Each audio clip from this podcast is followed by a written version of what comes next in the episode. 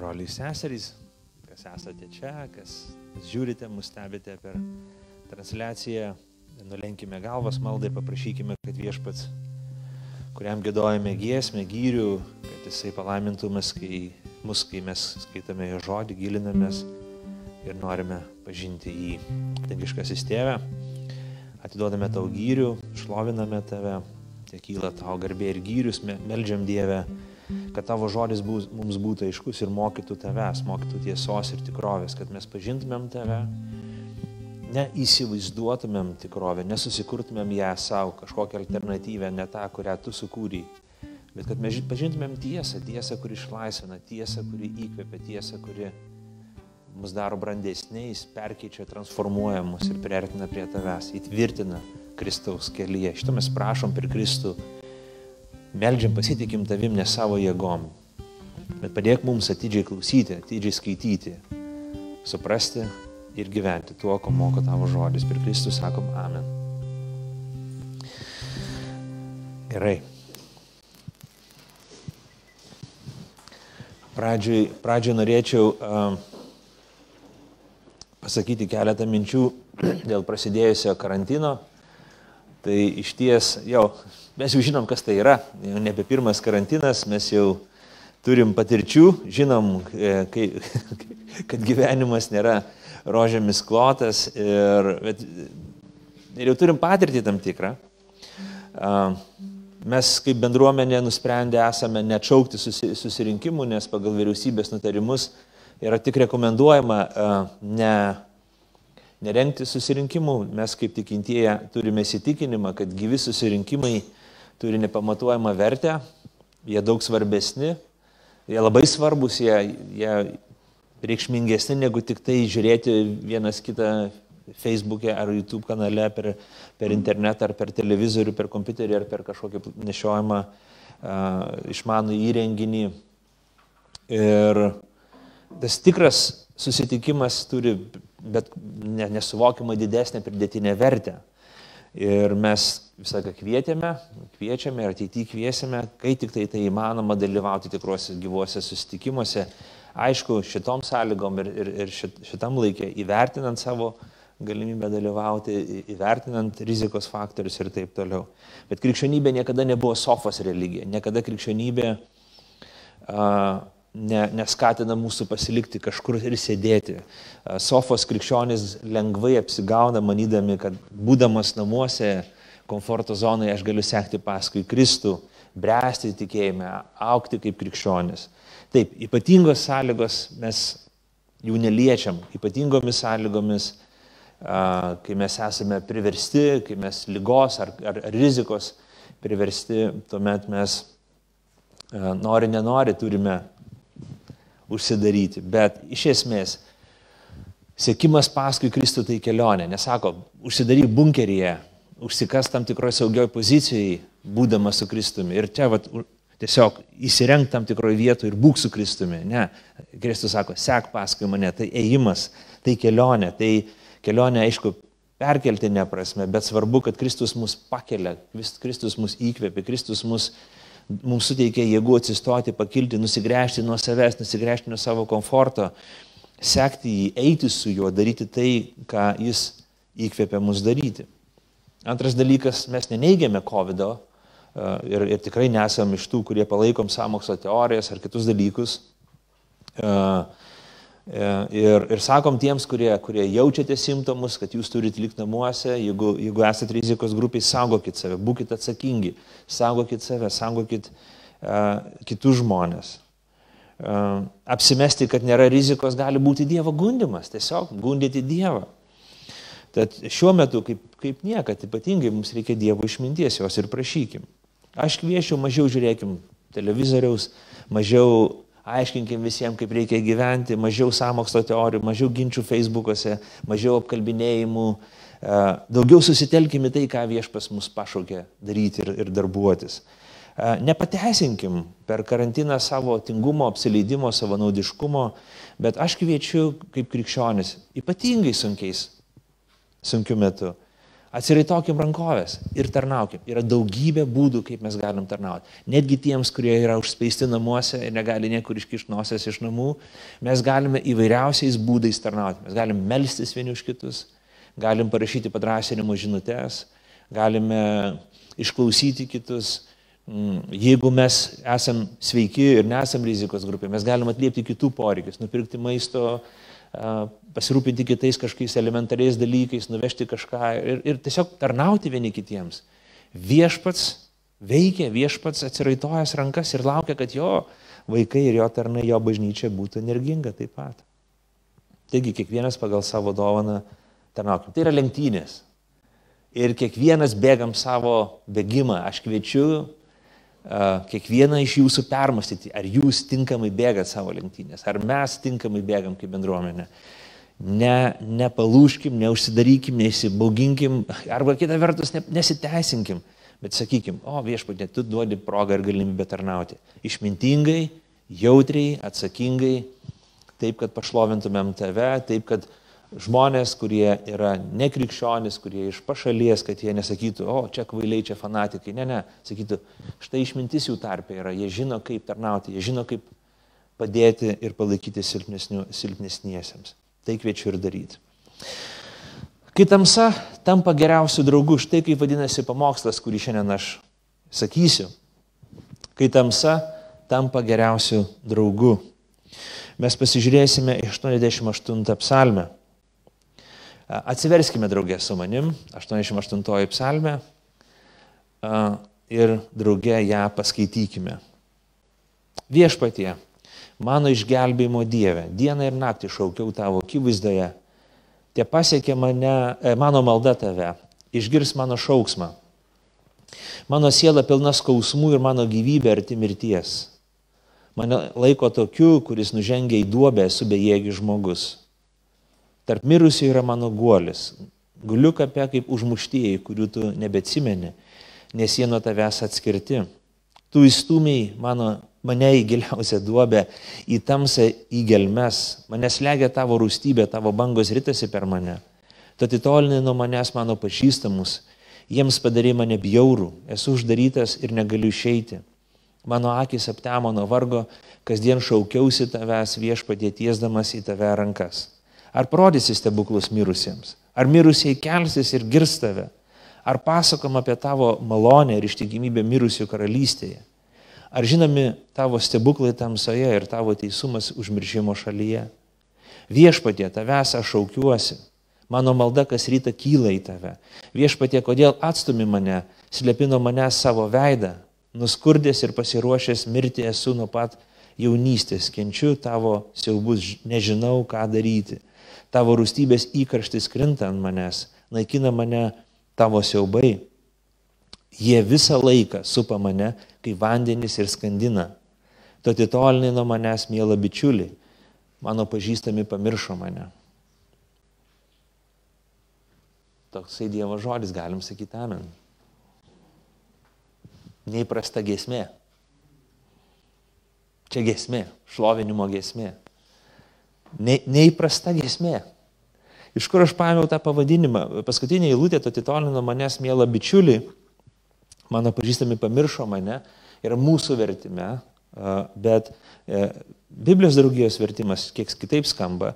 Tu padarei, manęs, e, tu padarei, kad manęs vengia draugas ir kaimynas, kur tik aš ten visuomet tamsu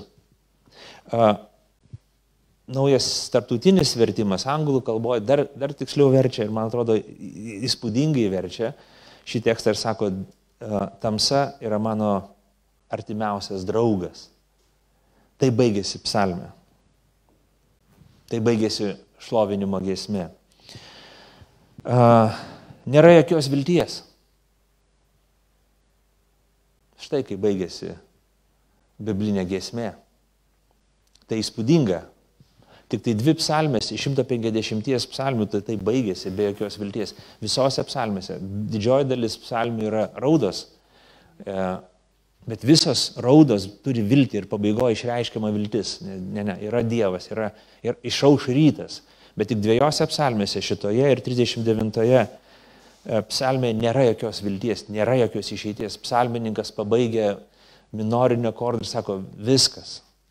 Mirtis, tamsa, atsiprašau, tamsa yra mano uh, geriausias draugas. Ne Dievas, ne viltis, bet neviltis.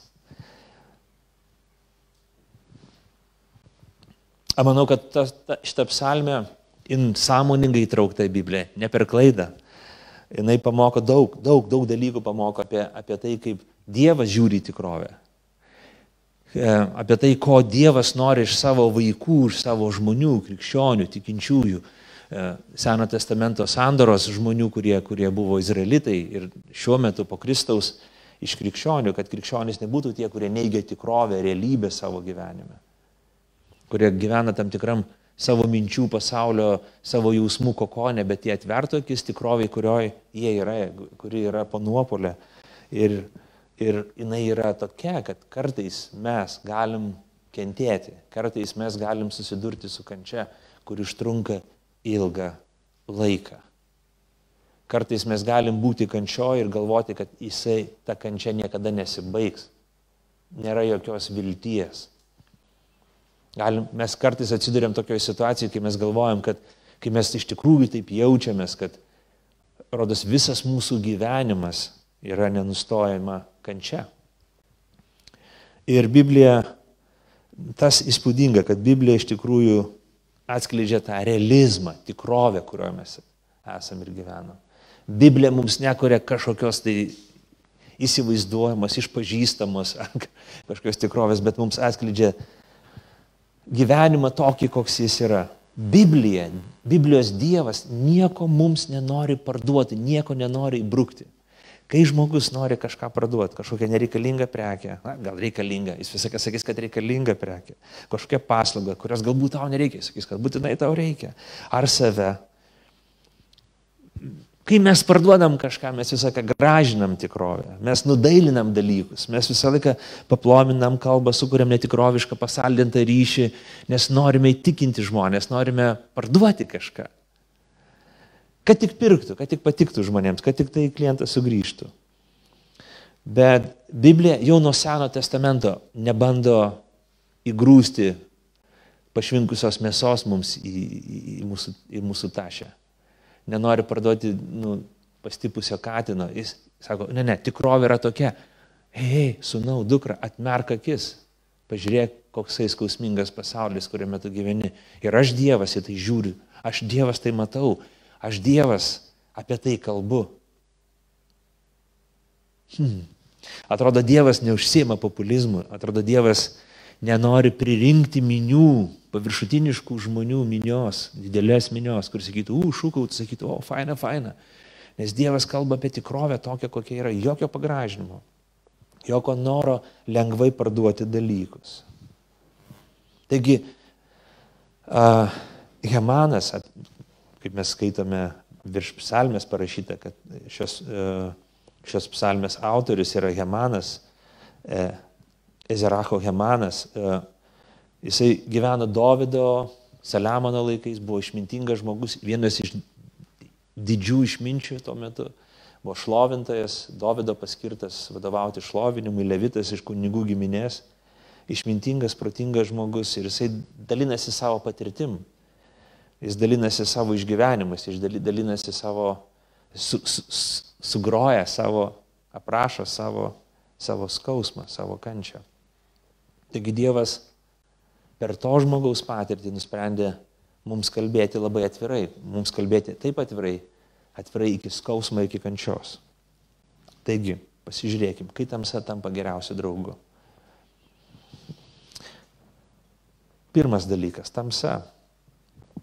Be abejo, mes suprantam ir kad tamsa yra pagrindinis šitos psalmės leitmotyvas, pagrindinė mintis, kurią kurią autoris nori pasakyti. Žiūrėkit, e, psalmė prasideda tokiais žodžiais. Viešpatė mano išgelimo dieną, Dievę dieną ir naktį šaukiau tavo akivaizdai. Naktis, ne? Naktis tamsos uh, įvaizdis. Uh, Šeštai lūtė sako, prasideda pradžioj, dieną naktį, kai šviesu ir kai tamsu. Šeštai lūtė sako, tu įstumi mane į giliausią duobę, į tamsą, į gelmes, į tamsą.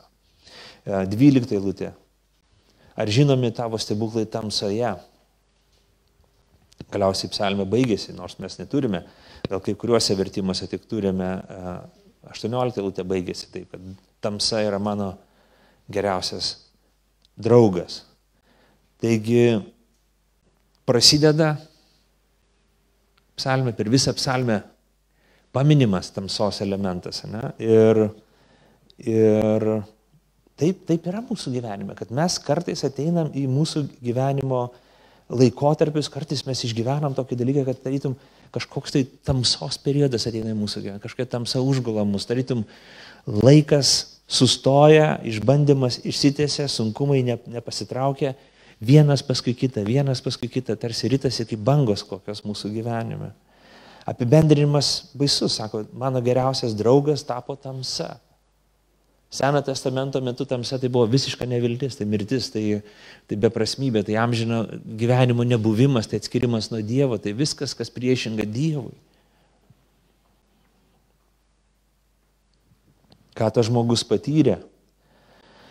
Tas žmogus patyrė a, mirties pavojų ir baimę. Jis daug rašo apie mirtį. Apie mirtį, žiūrėkime, mano siela pilna skausmų, mano gyvybė arti mirties, trečia eilutė. Um, tarp mirusiųjų penktoji eilutė yra mano guolis, guliu kapė kaip užmuštieji. Dešimta, dvylikta eilutė sako, žiūrėkime, ar parodys stebuklus mirusiems, ar mirusiai kelsis ir girs tave, ar pasakome apie tavo malonę ir ištikimė mirusių karalystę, ar, ar žinomi tavo stebuklai tamsoje ir tavo teisumas užmiršimo šalyje. 15. Nuskurdęs ir pasiruošęs mirties su nuo pat jaunystės, kenčiu tavo siaubus, nežinau ką daryti. Žiūrėkit, mirtis vadinama taip - duobė, kapas, tamsa, gelmė, gelmės mirusių karalystė, užmiršimo šalis. Kaip įvairiai vadina tą mirtį, mirusių pasaulį. Ir tas žmogus sako, kad aš, mes nežinom, su kokiam aplinkybėmis susidūrė, kas tai buvo jo gyvenime, mes nežinom. Bet mirtis jam grasino, ar tai lyga, ar tai fizinis pavojus, ar kažkokie dalykai, bet mirtis buvo taip arti. Ir tie, kas išgyvenam kažkaip mirties pavojų, mes žinom, apie ką, apie ką, apie ką yra kinas, apie ką tema yra, kai tu išgyveni mirties baimę dėl lygos, realybę, tikrovę, tu supranti, tavo vertybės persikainuoja. Tu, tu visą savo gyvenimą permastai, perkratai akimirksniu. O tas žmogus sako, aš apie tai galvoju, mastau nuolat, tai, tai nuolatinė mano būsena, mirtis tarytum va, yra šalia manęs nuolat, kaip mano šešėlis. Kitas dalykas, mes matom, kad jį apleido jo draugai. 8-18 eilutės, ne? Bičiuliai pasitraukė nuo jo, ne? Atitol pažįstami žmonės šalinasi jo. Ir, ir vienatvė yra, yra labai baisus dalykas. Vienatvė labai skausmingas, skausmingas, skausmingas patyrimas ir išgyvenimas. Mes esam giliai socialinės būtybės, kiekvienam iš mūsų labai reikia kitų žmonių, mes tokie esam. Giliai savo šakny mes esam tie žmonės, kuriems, kuriems reikia, kad juos priimtų, kad juos mylėtų, tiksliau mus, kad mylėtų, priimtų, kad mes turėtumėm dalį, kad mus vertintų, kad mums padėtų, įsijaustų į mus. Ne? Ir, ir kai kažkas mus, mūsų pradeda šalintis, tai labai labai skausminga mums yra kai kažkas mus nori, kažkas slepiasi už, nuo, nuo mūsų, kažkas e, užkardo mus nuo kitų žmonių, tai mus labai trikdo. Tai mus labai žaidžia. Tai mus labai užgauna. Kalėjimas yra baisus išgyvenimas, kai žmogus uždaromas vienas nuo visų kitų žmonių. Psichologai sako, kad faktiškai atskirtas nuo nuo, nuo kitų žmonių. Anksčiau ar vėliau žmogus žlunga. Tokie mes esame. Mes niekad netampam žmonėmis be kitų žmonių, bet mes ir nelabai galim išlikti žmonėmis be kitų žmonių. Izolacija ir atskirimas. Dar vienas išgyvenimas tai tas nevilties ir beigiškumo pojūtis tokia desperacija, kuri, kuri, kuri, kuri, kaip jau minėjau, atrodo, kad visą amžinybę trunka tas reikalas. Atrodo, kad visą, visą gyvenimą ta, ta, tas dalykas tęsiasi. Visą gyvenimą, visą, visą žinybę. Šaukiau tavo, išgirs man, šaukiuosi, bet nieks nevyksta. Ketvirtai lūtė sako, mane laiko tokiu žmogu, kuris nužengė į dobę, esu bejėgis žmogus, bejėgiškumo būklė, kai tu kažką darai, darai, darai, bet jokio rezultato, nulinis rezultatas. Tu kasi, kasi, kasi, bet niekas nesikasa. Tu darai, darai, darai, bet niekas nepasidaro. Tu sprendi problemas, bet niekas neišsisprendžia.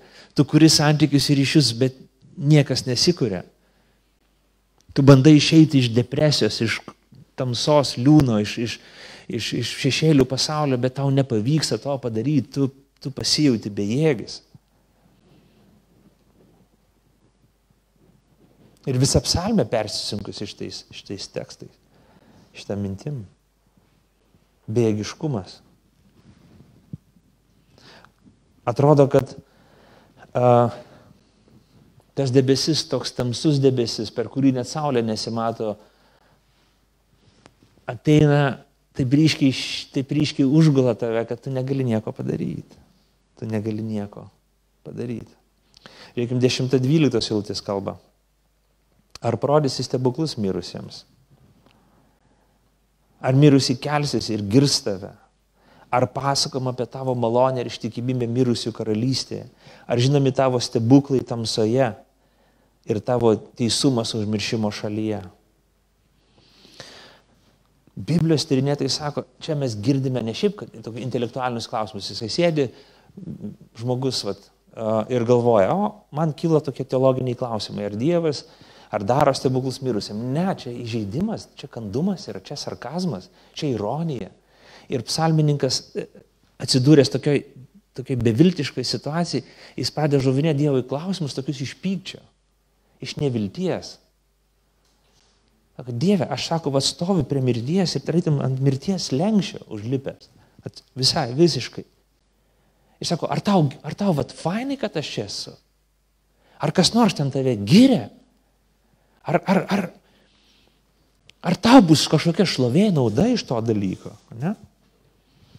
Ar kas nors pasakos apie tavo malonę? Aš noriu pasakoti gyviem žmonėm apie tavo malonę, apie tavo dalykus, apie tai, koks tu esi, bet štai aš einu ten, iš kur niekas nebepasakoja.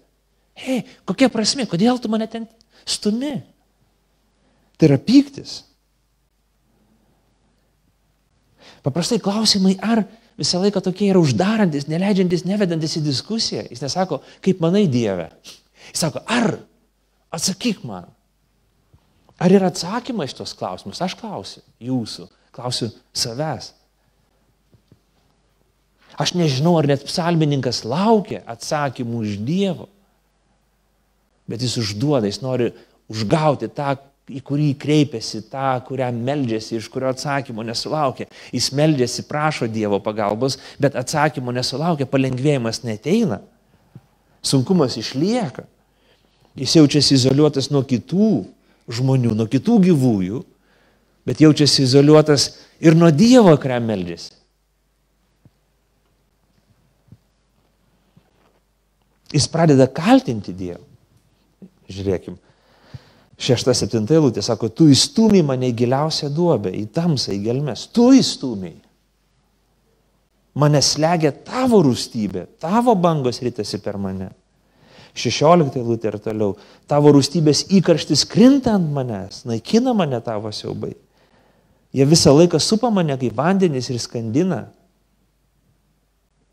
Tad įtolinai nuo manęs, mėla bičiuli, mano pažįstami pamiršo mane.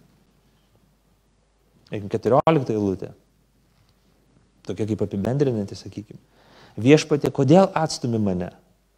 Slėpino mane savo veidą. Tu mane atstumiai. Tu mane atstumiai. Tu, tu uždengi savo ausis, tu nukreipi savo veidą ir nebenori, nebenori su manim kalbėti. Tu nenori mano maldų išklausyti.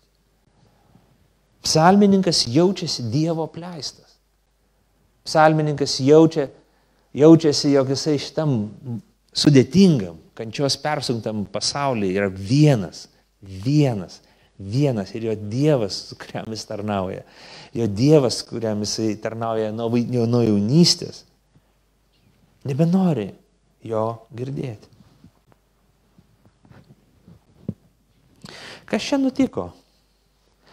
Ar šitoje psalmėje apgėdama tik tai Hemano patirtis? Taip mes sutinkam, Hemanas aprašo tai, ką patyrė pats. Psalmės autorius, ne psalmininkas. Bet jeigu tai būtų tik tai Hemano patirtis, argi jinai būtų Biblijai, argi Biblija rašo tik tai, kad sakytum, o žinau, kad gyveno toks Hemanas ir patyrė tai. Kai mes skaitom Biblijai Jobo patirtį, prisimenam Jobo istoriją, turtingą žmogų, kuris daug kentėjo, prarado turtą, prarado vaikus, sveikatą ir buvo išmėginamas. Negi jų istorijos, jų kančių aprašymai prašyti tik tam, kad mes žinotumėm, kad tokie žmonės buvo.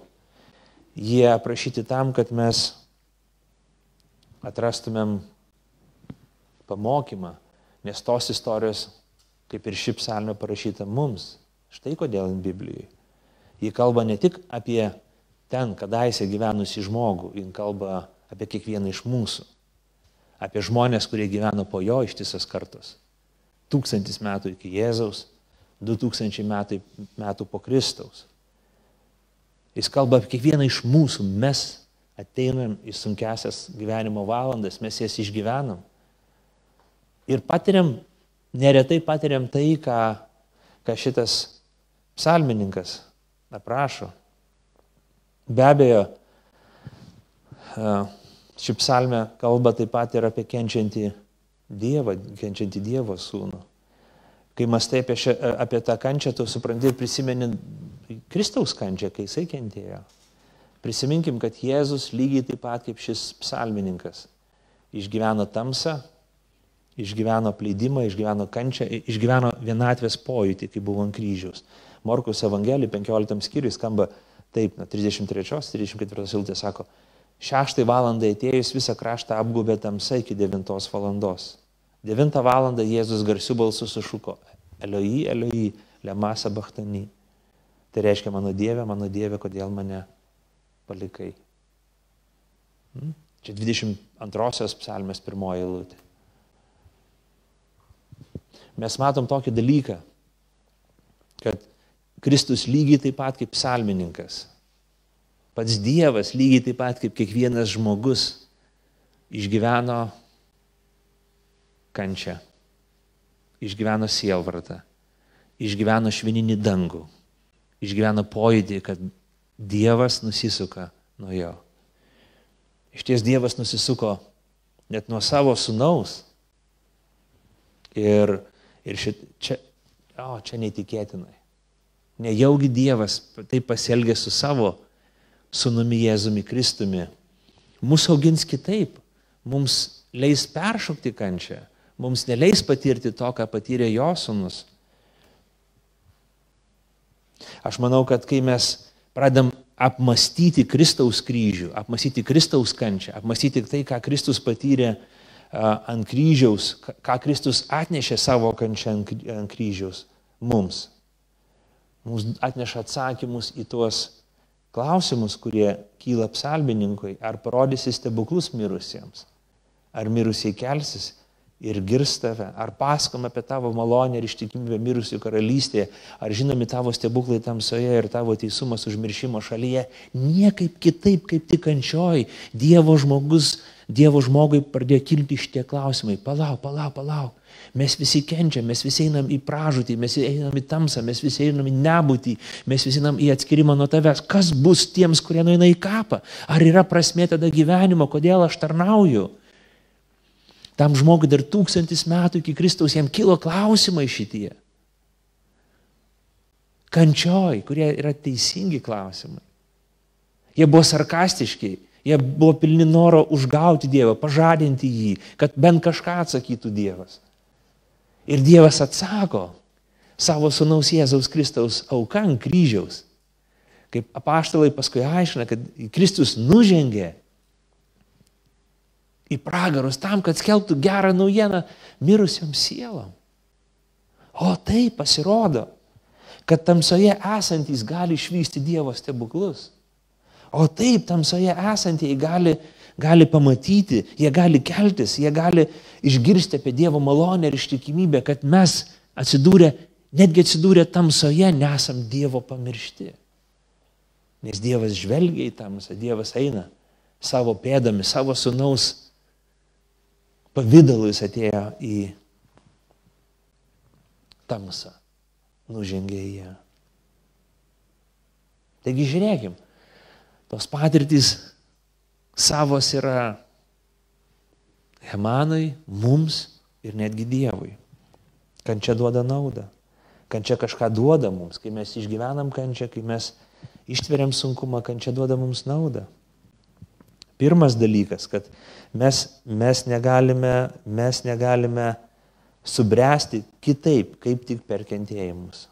Nėra kito būdo, kaip mums pasiekti brandą. Nėra lengvo būdo. Nėra. Net fiziškai žmogaus organizmui, norint, kad jisai būtų stiprus, kaulų, rumenų sistema, turi būti metam, metamas nuolatinis iššūkis. Visą, ką mes turim patirti pasipriešinimą. Lengviausia mums judėti yra e, vakume, kosmose, ten, kur nėra jokio pasipriešinimo. Mums lengva judėti, bet kas vyksta, nyksta mūsų kaulai, nyksta mūsų raumenys. Mes pradedam degraduoti. Mums reikia nuolatinio streso, įtampos, tada mes būnam stipresni ir sveiki. Mūsų intelektas silpsta, jeigu mes negaunam iššūkio nuolatinio. Mūsų valia silpnėja, jeigu mes negrūdinam jo sunkiais uždaviniais ir sunkiom užduotim. Mūsų charakteris vyra. Mūsų santykiai nėra tikri, jeigu jie nebuvo išmėginti. Hebrajam laiške antram skyriui sakoma, nes tam, dėl kurio ir iš kurio yra viskas, priderėjo vedant daugybę vaikų į garbę, kentėjimais ištobulinti jų išgelmėjo vadovą. Tekstas labai sunkus gal suprasti, ne? bet mintis tokia, kad net Kristui reikėjo per kentėjimus būti ištobulintam. Tobulas Dievo sonus turėjo būti ištobulintas per kentėjimus. Niekaip kitaip branda neteisi mūsų gyvenimą kaip per tam tikrą stresą, per kančią, per sunkumą. Dėl to mes turim jos nebijoti. Mes priešinamės tam, mes to nenorim, mes, mes, mes vengiam šitų dalykų. Kaip Hemanas, mes lygiai tokie pat norim išvengti tų dalykų. Net Kristus, būdamas Getsemanė sodė, jisai sako, te aplenkė mane šitaurė. Te aplenkė, jisai meldžiasi, meldžiasi prieš išdavystę, meldžiasi prieš suėmimą. Bet sako, te būnė ne mano, bet tavo valia. Mums nelengva. Nelengva kentėti, mes norim to išvengti. Bet kito kelio brandai nėra. Dar vienas svarbus dalykas, kuris įvyksta. Mes paprastai esame linkę su Dievu sudaryti tokius mainų sandoris. Jobo istorija atskleidžia tą dalyką. Aš tarnauju Dievui, nu gerai, aš tau tarnausiu Dievui. Aš ten skaitysiu tavo žodį, laikysiuosi tavo įsakymų, aukosiu tavo aukas, nedarysiu to, darysiu tai. Čia bus mano pusė. Noriu žinot, kokia tavo pusė yra. Aš noriu dabar, kad tu laimintum mane, kad tu man darytum gerą, kad aš būčiau sveikas, kaip įmanoma labiau, kad ilgai gyvenčiau, kad mano šeimai gerai sektųsi, kad vaikai mano būtų sveiki, kad darbai sektųsi, kad projektai būtų visi sėkmingi kad aplenktų mane nelaimės. Ir kai velnės atėjo kalbėti su, su Dievu apie Jobą, būtent tokią religiją ir jisai ir atakavo, nes jisai žino žmogaus prigimtį. Faktiškai visi mes tokie esam. Mes galvom, Dieve, aš tau melžiuosi dabar tik tai, tegul tik tai aplenkia mane visi tie dalykai, kas tik tai manoma bloga mūsų gyvenime.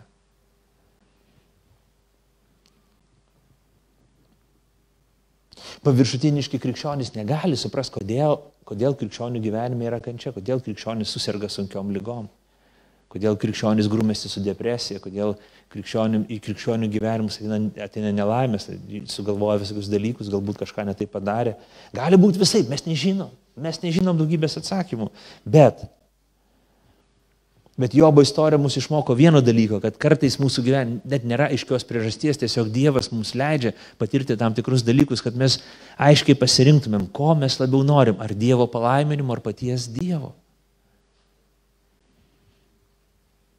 Tik tai kančioj mes galim iškeisti, atsikratyti šitų visų paviršutiniškų dalykų. Arba mūsų ta paviršutiniška krikščionybė sužlunga ir mes supykstam ant Dievo ir sakom, kodėl aš turėčiau tarnauti po Vilnių, kodėl aš turėčiau tarnauti Dievui, kodėl aš turėčiau e, tarnauti bažnyčiai, kodėl aš turėčiau aukotis dėl kitų. O taip mano gyvenime sunku, man niekas nieko nepadeda, o dabar aš dar turiu kitiems padėti. Ir sugriūna mano įsivaizduojamas krikščionybės burbulas. Nes neišpildė Dievas mano komercinių sąlygų kurias aš jam stačiau. Bet jeigu mes kančio keliam teisingus klausimus, jeigu esam nuoširdus ir atviri, jeigu ištiriam savo motyvus ir sakom Dieve, lauk, aš tikėjausi, kad bus taip, aš galvojau, kad bus taip, bet ištirk mano širdį, pažiūrėk, kas, kas dedasi manyje. Aš tada turiu galimybę atsisakyti šitų mainų dalykų. Sakai, Dieve, man reikia labiau tavęs, negu tavo palaiminimu. Tebūnie, mano gyvenimas bus nesėkmė. Bet man reikia tavęs labiau negu sėkmės. Man reikia tavęs labiau negu, negu uh, kažkokių tai dalykų, kurie, kurie man buvo labai svarbus ar yra labai svarbus. Tu mano gyvenime aukščiau.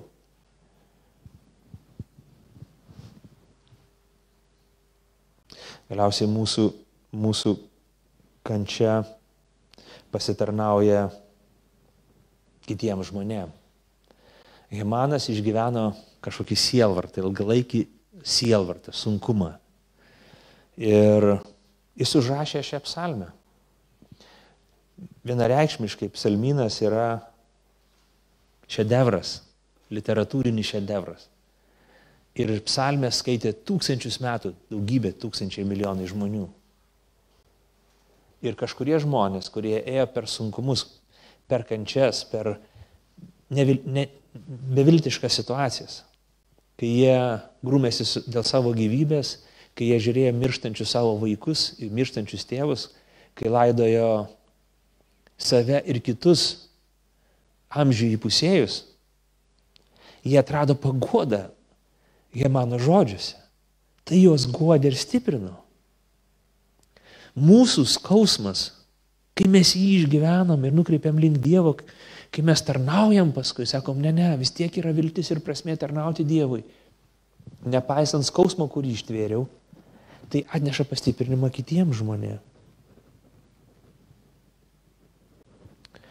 Uh, Horacijus Spafordas išgyveno daug gyvenimo tragizmų. Jisai gyveno XIX amžiaus antroji pusėje ir, ir gyveno Amerikoje ir jo vaikas ar du vaikai, aš dabar tiksliai neprisimenu, vienas sinus. Jisai žuvo didžiajam Čikagos gaisre, sudegė tiesiog vaikas jo. Paskui jo žmona e, keliavo į Europą, plaukė su keturiais vaikais ir laivas dužo netoli krantų. Ir jisai, jinai nusinčia, nusinčia savo vyrui telegramą, išgyvenau viena, likau gyva viena.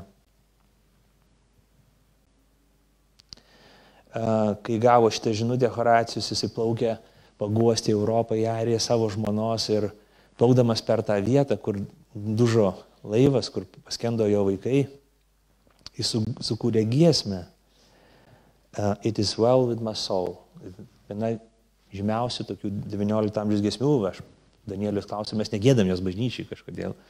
Viliuosi, kad per savaitę dvi mes ją pradėsim gėdoti. Puikiai gesmė, jinai didžiulė pagoda.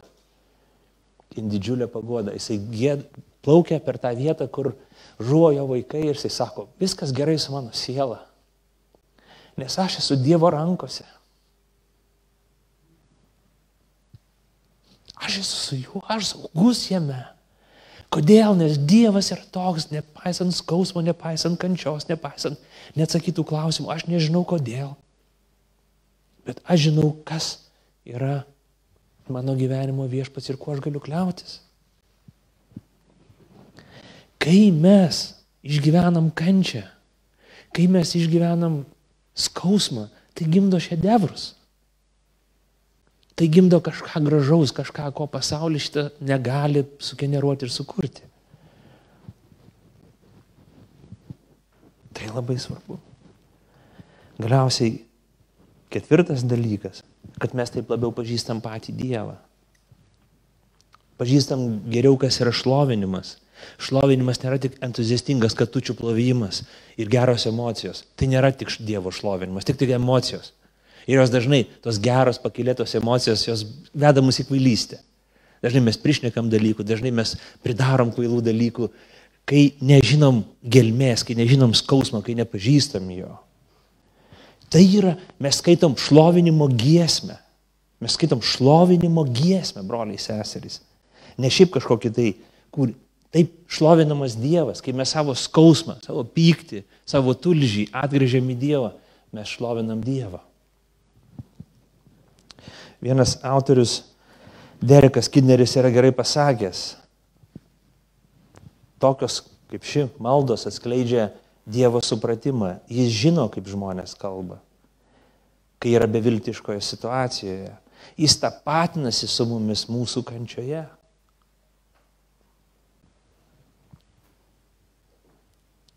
Taigi žiūrėkit, brangieji, mes pradedam pažinti Dievą. Prisiminkim, kad Dievas savo sunuje Jėzui Kristui įkūnė tą pačią kančią. Ir Dievas sako, taip, mano vaikai, jūs būna tokioj situacijoje ir agonijai, tokiam skausme, kai jūs negalit kažko gero atnešti man ir pasakyti. Kai negalit gražių žodžių sudėti, jie bus nenuširdus ir netikri. Kai jūsų, jūsų žodžiai tik tamsa, tik tamsa, jūsų gyvenimas toks yra. Bet kai atgrėžėte mane, tai tampa giesme. Neįtikėtina. Ką daryti, kai mes tai išgyvenam? Ką daryti, kai mes tai išgyvenam? Šauktis Dievo. Pirma, antra, devinta, trylikta siltė sako, šaukis Dievo. Šaukis, šaukiuosi Dievo. Dieną, naktį, iš kančios, netekties, iš skausmo, aš šaukiuosi tavęs. Aš Aš savo skausmą, aš savo neviltį apdainuoju, pakeldamas akis į dangų ir sakau, Dieve, va tai mano gyvenimas. Grįvėsis, nesąmonė, šlamštas kažkoks, tai nesusipratimas, absurdas, klėdėsys, košmariškas sapnas. Bet aš nukreipiu šį skundą į tave, mano Dieve. Tai įspūdinga yra. Ir koks tai pastiprinimas? Aš manau, tai turi labai, labai aišku praktinį pastiprinimą, kai mes kasdienėme gyvenime susidurėm su kenčiančiai žmonėm. Aš galvoju, kad krikščionis neturi būti tas žmogus, kuris sako, ne, ne, ne, ne, neigiam, ne, ne, nekreipkim dėmesio į tai, nekreipkim dėmesio į tai, svarbu teisingai išpažinti, nekalbėkim neigiamų dalykų. Biblija apie tai nekalba iš viso, tai yra absurdiškas, nebiblinis mokymas. Kai lankom, lankom sergančių žmonės, kai lankom žmonės, kurie kenčia baises fizinės kančias, mirštančių žmonės, išmaginimuose, depresijos esančių žmonės, neskubėkim kalbėti. Neskubėkim jam pirštų aiškinti, kaip tu čia kalbi dabar, kaip tu čia galvoji, ką tu savo leidai tai pasakyti, nekalbėk taip apie Dievą. Klausykit. Klausykit kaip Dievas, kad klauso žmogaus kančios ir sielvarto. Pajauskit širdim, kaip kad Dievas jaučia Ir jei vieną dieną, kai vieną dieną jūs būsit kančioj, jūs tai suprasit, kaip tai svarbu, kad kažkas jūs išklauso, kad kažkas jūs girdi, kad Dievas jūs girdi. Ir sako, tu esi mano, tu esi mano, tu esi mano. Nors šitą psalmę neturi vilties, neturi pabaigos, bet mes ir mano, ir mano pamokslas turi pabaigą. Čia ir yra mano pamokslo pabaiga. Tai čia yra viltis visiems, kurie klausė mano ilgos kalbos. Broliai seserys, te, te viešpat sustiprina, kai einate per sunkius dalykus, kai einame per išmėginimus, pakelkim savo balsą, išliekim savo širdį Dievui. Pasakykim tai, ką jaučiam. Sakykim jam, tam, kuris mūsų kūrė. Mes Dievo neišgazdinsim. Dievas savo psalmę, savo tekstu, savo Bibliją jisai pamoko, sako, nebijok išlieti. Jeigu aš būčiau Dievas, aš tikrai tokios psalmės nedėčiau į Bibliją. Sakyčiau, kamo, ką žmonės pagalvos apie mane, jeigu, jeigu taip apie mane, aš pats rašysiu, leisiu, kad būtų rašoma. Neišklausai, nusuki veidą, nu, ne, negražu būtų. Reikia kažkokios geresnės, pozityvios labiau psalmės. Kažkaip tai pagal viešųjų ryšių visus principus, nu, daug negatyvo šitą psalmę. Bet Dievas netoks. Dievas žino mūsų sielą, žino mūsų iššūkius. Ir sako, ateik mano sunau, ateik mano dukra pas mane. Kai kenti, kai sunku. Ateikim patys, kai mums sunku. Ir būkim kantrus ir jautrus tiems, kurie kenčia, kuriems yra sunku. Pasimelskim. Dangiškasis tėvė, dėkojame tau už malonę, kurią tu mums suteiki. Dėkojame tau už Kristų, kuris iš ties kentėjo ant kryžiaus už mūsų visų nuodėmes. Iš ties Dieve, šitą psalmę galbūt kažkiek mūsų sutrikdo, kiek sunkių kandžių klausimų užduodama tau, kokį sielvartą, ilgalaikę kančią išgyvena tavo žmogus, devotas žmogus. Ir kita vertus, koksai gražus yra vaisius tos kančios ištvertos, apgėdotos, gražiai surašytos kančios vaisius. Daugelio padrasinimas, įkvėpimas sunkiomis tamsos, suspaudimo, depresijos, nevilties valandomis daugelį iš mūsų. Meldžiu, kad žodis būtų padrasinimas tiems, kurie klauso jį. Meldžiu, kad kiekvienas iš mūsų, kai išgyvenam kančią, kad mes turėtumėm jėgų viešpatie ateiti pas tave. Lygiai taip pat meldžiu Dievę, kad kai mes būnam šalia kenčiančių žmonių, kad mes būtume tokie, koks tu esi Dieve. Kantrus klausytojas, nuoširdus iš, iš palaikytojas, ir kad mes tarnautumėm taip, kaip tu viešpatie per Kristų. Amen.